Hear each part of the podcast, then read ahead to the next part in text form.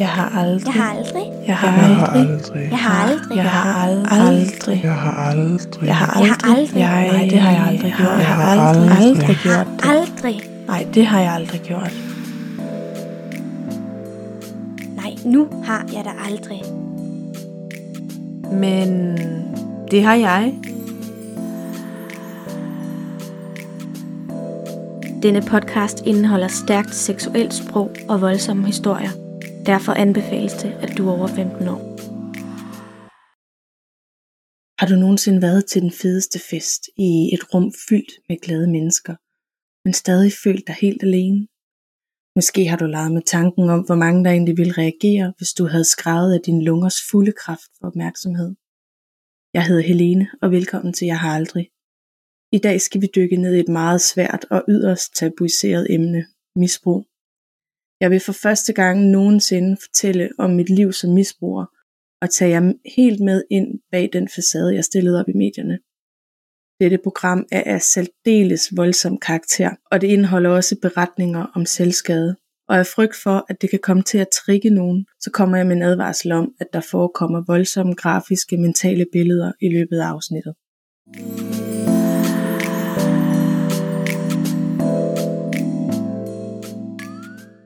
Det her afsnit er et afsnit, der kommer til, og det ved jeg, vi ikke sige, det gør ondt, men det er rigtig svært at snakke om, fordi det er en del af mit liv, jeg har været rigtig lukket omkring og haft svært ved at åbne op omkring, fordi det er fyldt med en sindssygt mange traumer. Når man befinder sig i et misbrugsmiljø, så oplever man, og man ser en masse ting, som sætter sig på nethinden resten af livet. Jeg kan huske, efter mine forældre er blevet skilt, og vi bor nede på Lolland, at jeg har den her, jeg tror det er sådan noget ungdoms, ungdomsoprør, eller noget, hvor jeg har rigtig svært ved at være hjemme, og, og finde ud af det samme med min mor. Og første gang jeg sådan rigtig stifter bekendtskab med stimulanser, som ikke er, er alkohol, det er efter et skænderi med min mor, hvor jeg i ejerskab søger ned til min kammerat, som jeg vidste røg has på det tidspunkt. Og øh, for første gang ryger et bonghoved. Og øh, det var en forfærdelig oplevelse. Det var, øh, jeg tror det er noget af det værste, jeg længe har prøvet nu. Altså, og nu sidder jeg her sådan og kigger tilbage. Og, og, og den, her, den her oplevelse står bare så skarpt i mine erindringer. For det første har jeg ikke prøvet sådan rigtigt at ryge has. Jeg har siddet blandt folk, der har røget has mange gange. Jeg har aldrig rigtig selv været en aktiv del af det. Jeg har ligesom været rigtig god til at holde det på afstand. Min mor har fortalt en masse forfærdelige, eller ikke en masse, hun har fortalt en forfærdelig historie om dengang hun var ung og havde prøvet at ryge has og var blevet dårlig og havde hallucineret og sådan noget. Så jeg havde sindssygt meget respekt for, for euforiserende stoffer og tænkte, nej, det er slet ikke noget, jeg skal, fordi det tør jeg simpelthen ikke. Men på det her tidspunkt, der er jeg bare, der er helt nede og skrabbunden, og jeg vil bare væk. Og jeg tænker, at den, den eneste måde, jeg kan komme væk på, det er ved at ryge noget has. Sådan meget rebelsk og oprørsk. Og øhm, min meget flinke kammerat siger så, okay, nu han giver mig en bong, og, og pakker et bonghoved og sætter på, og siger, nu suger du bare til, og jeg skal nok sige til, når jeg slipper. Og det gjorde han selvfølgelig ikke, fordi øh, det var meget sjovt at ryge mig fuldstændig stand og skæv. Så han slipper bare lige pludselig, så jeg bliver bare kastet bagover af den her kæmpe, kæmpe, kæmpe bongtog nede i mine lunger. Og øhm, der går ikke længe, før jeg bliver rigtig dårlig og får kvalme og skal kaste op, og jeg sidder bare og glor ind i væggen. Og jeg kan huske, at vi skal et andet sted hen til en anden fest eller sådan noget, hvor jeg kører bag på en scooter. Og jeg bliver ramt af paranoia, og jeg tør ikke være nogen steder, og jeg klamrer mig bare til den her fyr på den her scooter, og har det lidt ligesom om jeg er med i et videospil. Og jeg er bange, og jeg ryster, og jeg ligger bare nede på gulvet og lytter til en eller anden form for radio. Jeg kunne ikke, jeg kunne ikke skabe nogen sammenhæng mellem, hvad der blev sagt, og hvem jeg var i selskab med. Jeg kunne ingenting. Jeg var helt paralyseret. Jeg var helt færdig. Så jeg bliver kørt hjem på scooter igen, og har det rigtig, rigtig dårligt, og tænker, det gør jeg aldrig igen. Og det holder jeg sådan set også i et rigtig godt stykke tid. Sådan faktisk helt ind til en gang i gymnasiet, tror jeg. Det er så et par år efter, hvor jeg eksperimenterer lidt med at, at ryge nogle joints og sådan noget, og tage nogle væs her og der, men ikke noget, der bliver på sådan en fast basis, fordi jeg netop har den her rigtig dårlige erfaring fra tidligere, hvor jeg tænker, nej, der skal jeg ikke ud igen. Og det holder jeg sådan set på afstand, lige indtil jeg så søger væk ned fra, fra Lolland Falster af og få den her omgangskreds inde i København, hvor det er meget normalt at ryge joints, og hvor det er meget normalt at, at tage en streg. Og første gang jeg øh, stifter bekendtskab med andet end has, det er på stripklubben, hvor jeg er med til en efterfest, og der er sådan en, en pigeglad kvinde, som meget gerne vil fyre den af sammen med, med mig, tror jeg godt man kan sige, uden at, at insinuere for meget. Og jeg tænker rigtig meget over det, men jeg er jo også blevet fuld på det her tidspunkt, og når jeg er fuld, så er jeg måske lidt mere hæmningsfri. Så derfor så tager jeg den her en streg. Og for første gang strømmer der bare sådan en euforiserende glædesfølelse igennem hele kroppen på mig. Og jeg føler mig som, ikke hvis ikke kongen, så i hvert fald dronningen af hele freaking Aalborg. Og tænker, det her, det var det er bare det fedeste. Jeg begynder at flytte med hende her, madammen, der har givet mig en streg, og folk siger, ah, slap nu lige af, og jeg bliver stor, eller jeg føler mig stor, med store armbevægelser, og fører mig frem på en måde, som jeg aldrig har gjort før.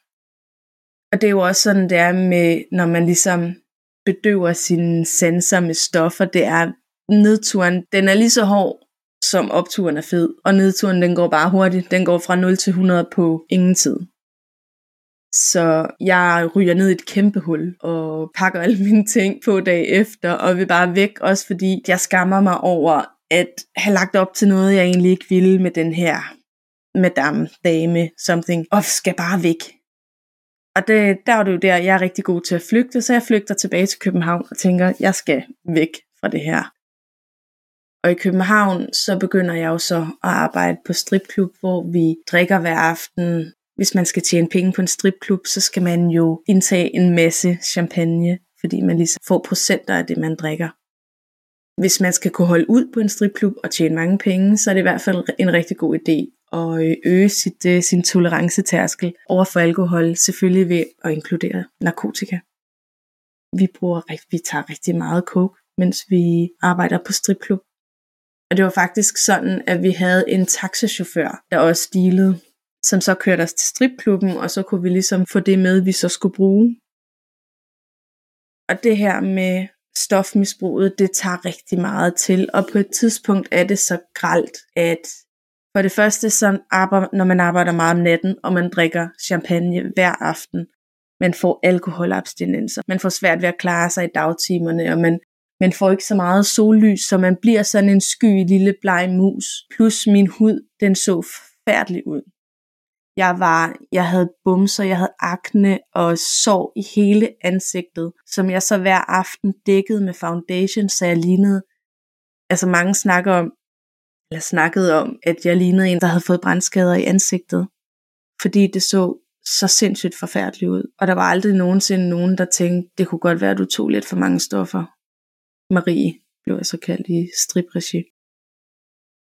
Og det er som om min grænseløshed, den kommer også ind og bliver bragt i spil, når det omhandler stoffer. For lige pludselig, så føler jeg ikke, så føler jeg den her respekt for euforiserende stoffer, for has, for kokain. Den eksisterer ikke. Den eksisterer ikke længere. Jeg er ikke bange for at dø af det her.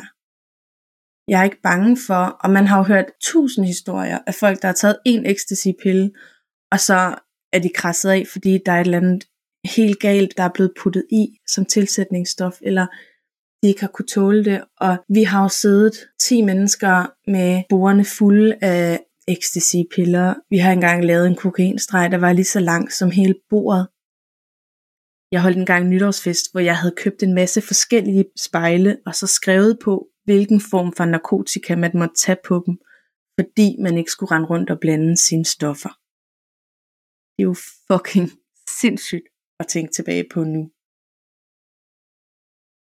Jeg har siddet til en fest, hvor der var en kokainklump så stor som en knytnæve, som der blev hakket af. Det er så svært at sætte sig ind i og forstå, men de her stoffer, de er så afhængighedsskabende. Det er helt sindssygt, fordi man netop flygter fra noget. Den her verden, du kommer ind i, når du tager stoffer, den her lidt virkelighedsforvrængede verden med eufori. Den er så dragende, og især hvis man flygter fra et eller andet i hverdagen på det her tidspunkt tænker jeg også, at mine forældre begynder ligesom at opfatte, at der er et eller andet helt galt med mig og med det miljø, jeg færdes i. Fordi jeg aflyser fødselsdage, jeg aflyser juleaftener, jeg aflyser alle sociale arrangementer, fordi jeg sidder helt brændt af til en fest på anden dagen eller tredje dagen. Jeg kan huske en episode, hvor jeg skal ned og besøge min mor til en fødselsdag, og jeg ringer på dagen, helt brændt af på ecstasy og fortæller en lang historie om, at mig og min kæreste har været ude og køre, og på det tidspunkt, der øh, han boede i Sverige, så jeg sagde, at vi havde ramt en elg eller en hjort, og at han havde brækket benet. Og vi var kommet på skadestuen, vi havde det fint, men vi kunne selvfølgelig ikke komme, fordi nu der var der ikke nogen til at køre bil. Og fem minutter efter, eller ti minutter efter, ringer jeg så og siger, ej, jeg kommer alligevel, jeg finder ud af noget, og jeg havde dårlig samvittighed. Der gik ikke et halvt døgn, så måtte jeg jo ringe og gå til bekendelse om, at jeg sad og havde taget en masse stoffer, og havde det rigtig dårligt, og græd og græd og græd. Og de her opkald har mine forældre jo haft mange af gennem tiden, hvor jeg bare er kommet med den ene sindssyge løgnhistorie efter den anden.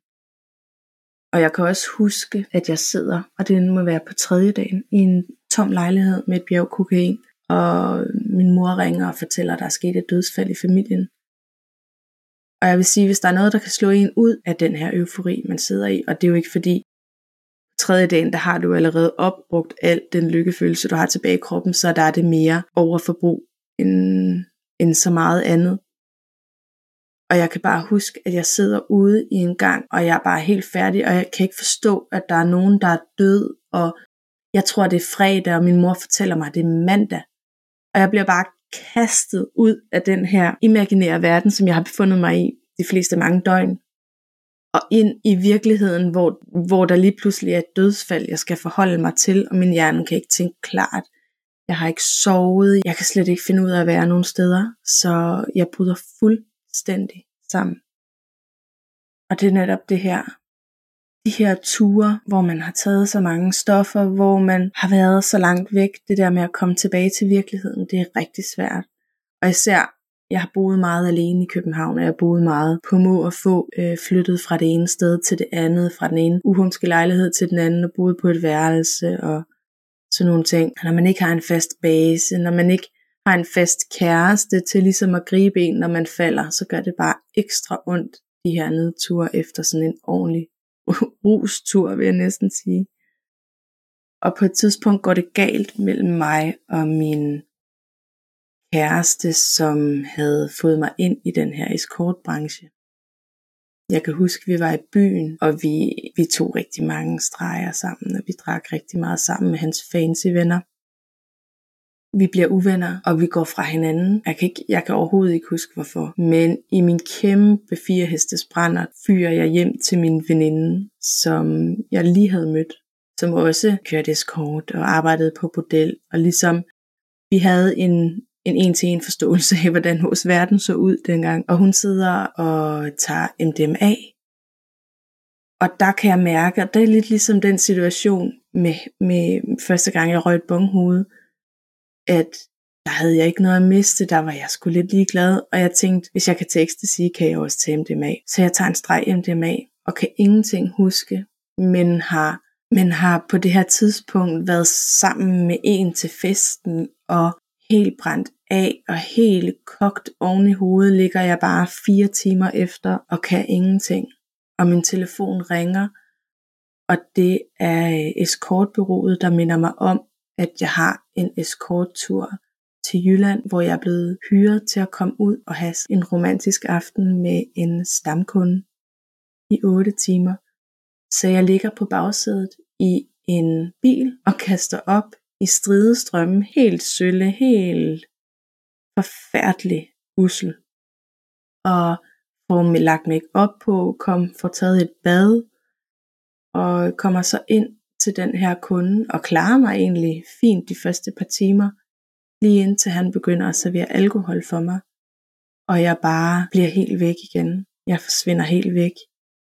Jeg kan ikke huske det her, men er blevet fortalt, at han måtte ringe efter min chauffør, fordi jeg i det her meget fine, kæmpe store hus med swimmingpool og alt muligt, har siddet og hævet min, øh, min kokain frem og lagt på hans bord og spurgte, om jeg måtte tage en streg, for ellers ville jeg falde i søvn. Og der blev jeg fyret fra øh, eskortbureauet. Eskortbureauet vidste godt, jeg tog stoffer dengang, men kunderne skulle ikke vide noget til det. Og her ryger jeg så hjem til min veninde, og vi snakker, snak, får ikke snakket tingene igennem, jeg får sovet. Jeg flytter også ind til hende på et tidspunkt, og hun introducerer mig for livet på bordel.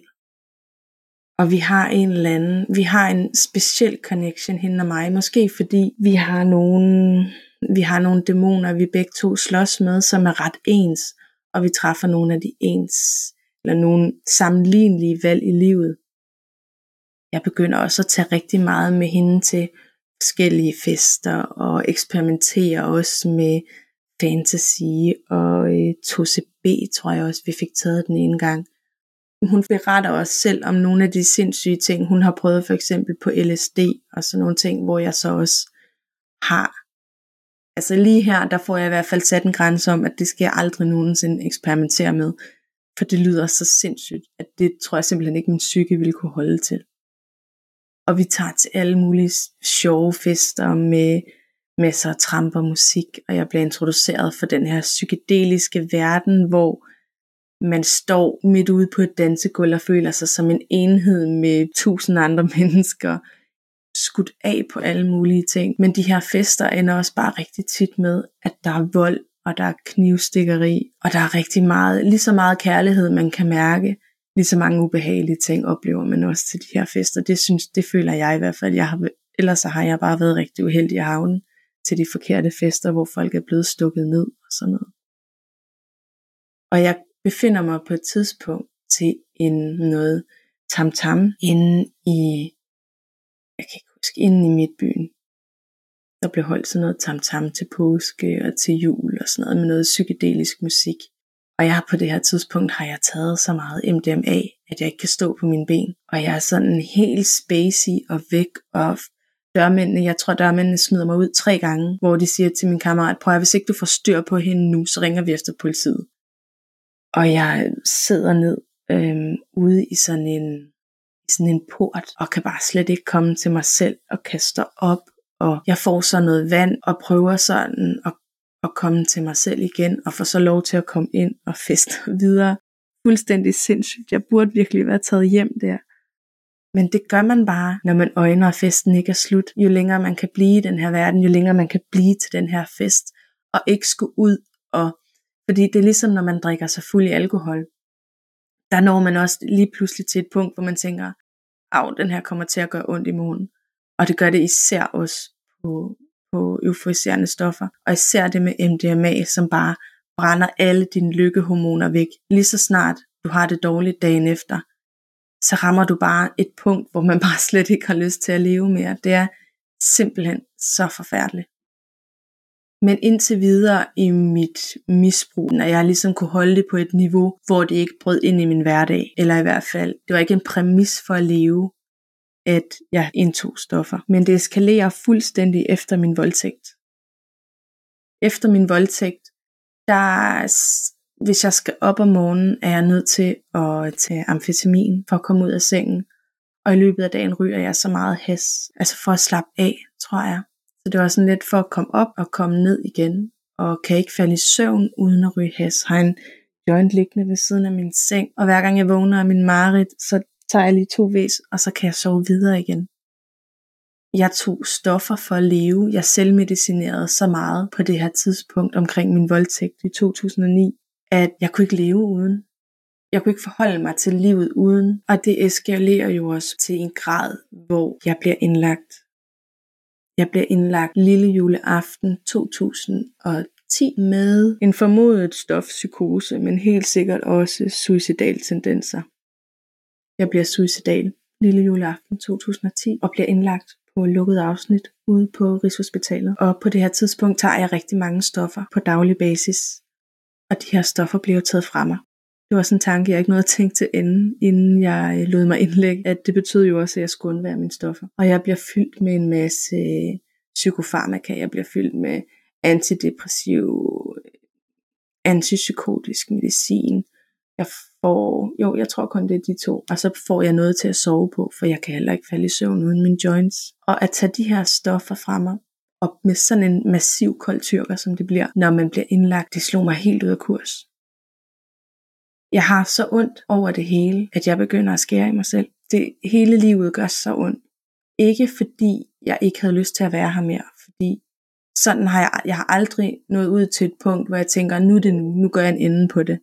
Sådan har det aldrig været. Men jeg når til et punkt, hvor jeg tænker, jeg er nødt til at gøre et eller andet. Jeg er nødt til at få en high på en anden måde. Og jeg fandt ud af, at når jeg skar i mig selv, så udløste det en masse adrenalin, og det udløste den her lykkefølelse, jeg kendte fra mit misbrug. Plus at jeg fik noget omsorg, og jeg fik noget opmærksomhed. Jeg følte mig set på en måde, fordi jeg lå inde på det her afsnit, og der var ikke nogen, der kunne finde ud af, hvad der var galt med mig. Jeg havde ikke nogen diagnoser. De vidste godt, at jeg havde noget med noget misbrug. Og når man bliver indlagt på et lukket afsnit og har et misbrug, bliver man ikke taget seriøst, før man er afruset. Fordi at selve den her afrusningsproces kan gå ind og give nogle indikationer på diagnoser, som måske overhovedet ikke er der, når man så er ved sin sensors fulde fem. Og gang på gang tager øh, personalet de her skarpe genstande fra mig. Men på et tidspunkt er jeg også bare så træt af det hele, og så træt af, at jeg ikke kommer nogen vegne derinde, så jeg får min veninde til at købe nogle barbers eller sådan nogle skraber, indgangsskraber til mig, som hun kommer med ind. På det tidspunkt var jeg på åben afsnit.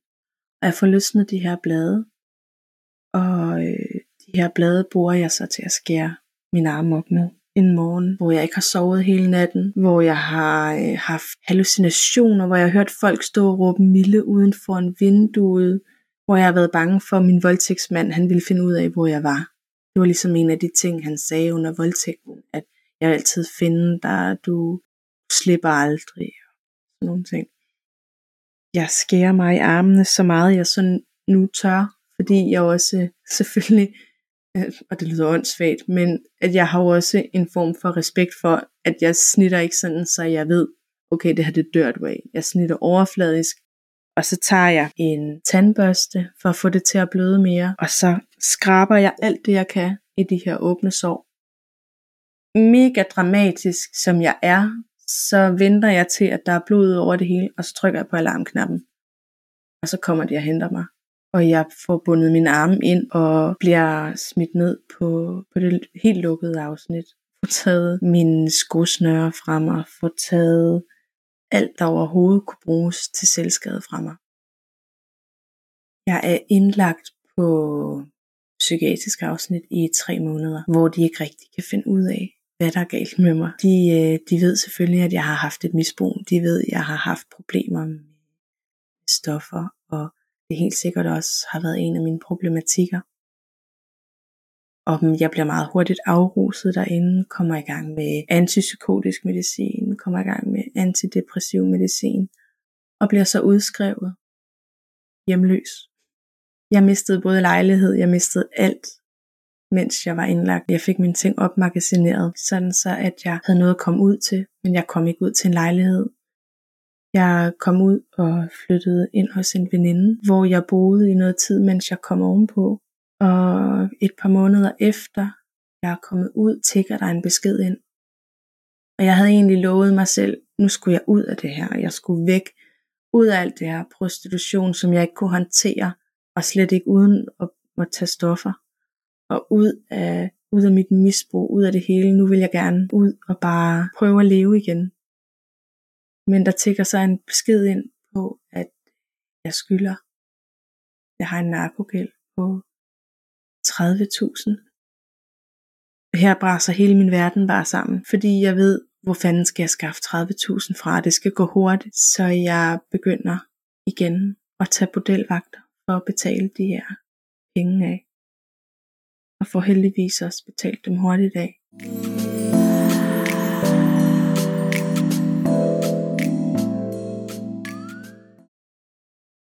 Jeg holdt op med at ryge has i 2012, da jeg fik min ADHD-diagnose og begyndte på medicin. Så det er ni år, og det er jeg glad for. øhm, når jeg går ud på gaden og går forbi folk, der ryger en joint, så får jeg stadig kvalme. Bare lugten, den der sødelige lugt af has. Jeg kan ikke tåle det. Hvis jeg drikker for mange energidrik, og får sådan hjertebanken, eller bliver sådan lidt hyper, så får jeg de sindssygeste flashbacks til dengang, jeg har siddet helt væk på, på anden dagen, og ikke har sovet på amfetamin. Så det holder jeg mig også fra. Jeg kan heller ikke finde ud af at drikke mig fuld længere. Jeg kan ikke... Øh, jeg når til et punkt efter andet glas vin, hvor jeg kan mærke, nu er det ikke sjovt mere. Nu er der et eller andet i min krop, der siger stop. Og så holder jeg bare op. Jeg er nået til et punkt i mit liv, hvor jeg meget hellere vil undvære alkohol, og så have det godt dagen efter, end at drikke mig fuld og, og have tømmermænd. Også fordi tømmermænd minder rigtig meget om de nedture, jeg har oplevet. Så for mig, der har det også en psykisk påvirkning. Det vil sige, jeg ryger også psykisk ned i et eller andet hul, hvor jeg har det rigtig skidt, når jeg har været på, øh, på en druktur. Jeg har prøvet et par enkelte gange at drikke mig rigtig fuld. Og jeg har haft det så forfærdeligt dagen efter, at jeg ikke har gjort det igen. Og noget, der rigtig gør ondt at tænke på, det er min veninde, som jeg var i modelbranchen med, som jeg delte en masse fælles dæmoner med, og havde, har festet rigtig meget med og boet sammen og, og delt rigtig meget privat sammen med. Hun bliver også indlagt på den lukkede på samme tid som mig. Og vi snakker sammen i, i sådan en mønttelefon. Og det er sidste gang, jeg snakker med hende og har fået at vide, også gennem de seneste, ikke seneste par år, men fået at vide, at hun var råd ud i et misbrug af meget værre stoffer. Hun var ind på gaden og havde, havde haft rigtig mange problemer med heroin især. Jeg er jo kommet, efter jeg er flyttet og kommet videre, sidder jeg i 2018 og har børn jeg har tre børn. Det er et år siden, jeg lige har født de dejligste tvillinger i hele verden. Og så tækker der en besked ind om, at hun er død. Det gør så sindssygt ondt at tænke på, fordi på et tidspunkt i livet, på det tidspunkt i livet, hvor vi hang rigtig meget ud sammen, der havde vi en en-til-en oplevelse af, hvordan virke, vores virkelighed var. Vi var så synkrone, og det gør så ondt at vide, at jeg er kommet videre, og at hun ikke kunne. Hun kunne ikke komme op af det hul, som vi havde gravet. Hun døde af en overdosis. Og det er forfærdeligt. Man kan sige mange ting om folk, der tager stoffer. Med rette. Men stoffer er en virkelighedsflugt, og især når det bliver misbrugt, så er det fordi, man flygter fra noget, fra en virkelighed, man ikke kan holde ud at være i. Især når det bliver til et misbrug, som man ikke kan kontrollere, så er det fordi, man flygter fra noget. Og jeg tror også grunden til, at det gjorde så ondt at miste min tidligere veninde, eller at vide, at hun i hvert fald ikke er blandt os mere, det er også fordi, at kort inden, eller det føles som kort inden, min, som sagt, min tidshorisont, den er ikke så specifik. Men der er en kvinde, der er blevet myrdet i København, som jeg kendte dengang. Brutalt myrdet på et toilet. Bare det at sidde i sit trygge miljø, langt væk fra det og den, man var dengang. Og så vide, at en, man har haft tæt ind på livet, jeg har flyttet lidt og så nogle ting med hende på et tidspunkt, og hun har hjulpet mig, dengang jeg blev voldtaget og sådan noget. At vide, at den person er blevet bestialsk øh, knivdræbt det, det korrigerer bare lidt på den her virkelighedsfornemmelse, fordi på det her tidspunkt flygter jeg rigtig meget fra min fortid. Jeg har ikke lyst til at stå på mål for den. Jeg har slet ikke lyst til at blive konfronteret med. Jeg slettede også alle, jeg kendte fra dengang på Facebook. Jeg skulle ikke være i nærheden af noget. Jeg skulle slet ikke indrømme, at jeg har haft et misbrug, fordi det er så tabuiseret, og det er noget, jeg skammer mig så meget over, fordi jeg har foretaget og gjort en masse forfærdelige ting mens jeg har været på stoffer. Og såret en masse mennesker især. Og i dag er jeg bare så lykkelig over at kunne se nogle af dem, som jeg har taget sindssygt mange stoffer med tidligere i livet, er kommet videre og faldet til ro og har stiftet familie og hvert år fejrer deres, øh, deres liv uden stoffer, deres liv uden, uden virkelighedsflugt. Og det er jo fantastisk. Og det er mega inspirerende. Og jeg fortæller kun det her, fordi jeg mener, der er rigtig meget at lære af det men også fordi det har en terapeutisk effekt på mig at spille med åbne kort. Jeg er kommet så meget videre i dag, altså jeg ryger ikke engang, jeg drikker ikke, jeg gør ingenting. Det, altså jeg kan jo ikke engang tåle at drikke energidrik. Jeg er bare blevet, jeg er bare blevet sådan en frelst røvhul, der, der, der ikke kan tåle noget som helst. Men så er jeg højt på livet, og det er fandme det hele værd. Jeg håber, I kunne holde til at lytte på det. Det var sådan et afsnit i den lidt mere mørke ende, men bestemt også en vigtig del af min fortælling. Tak for i dag. Vi lyttes ved.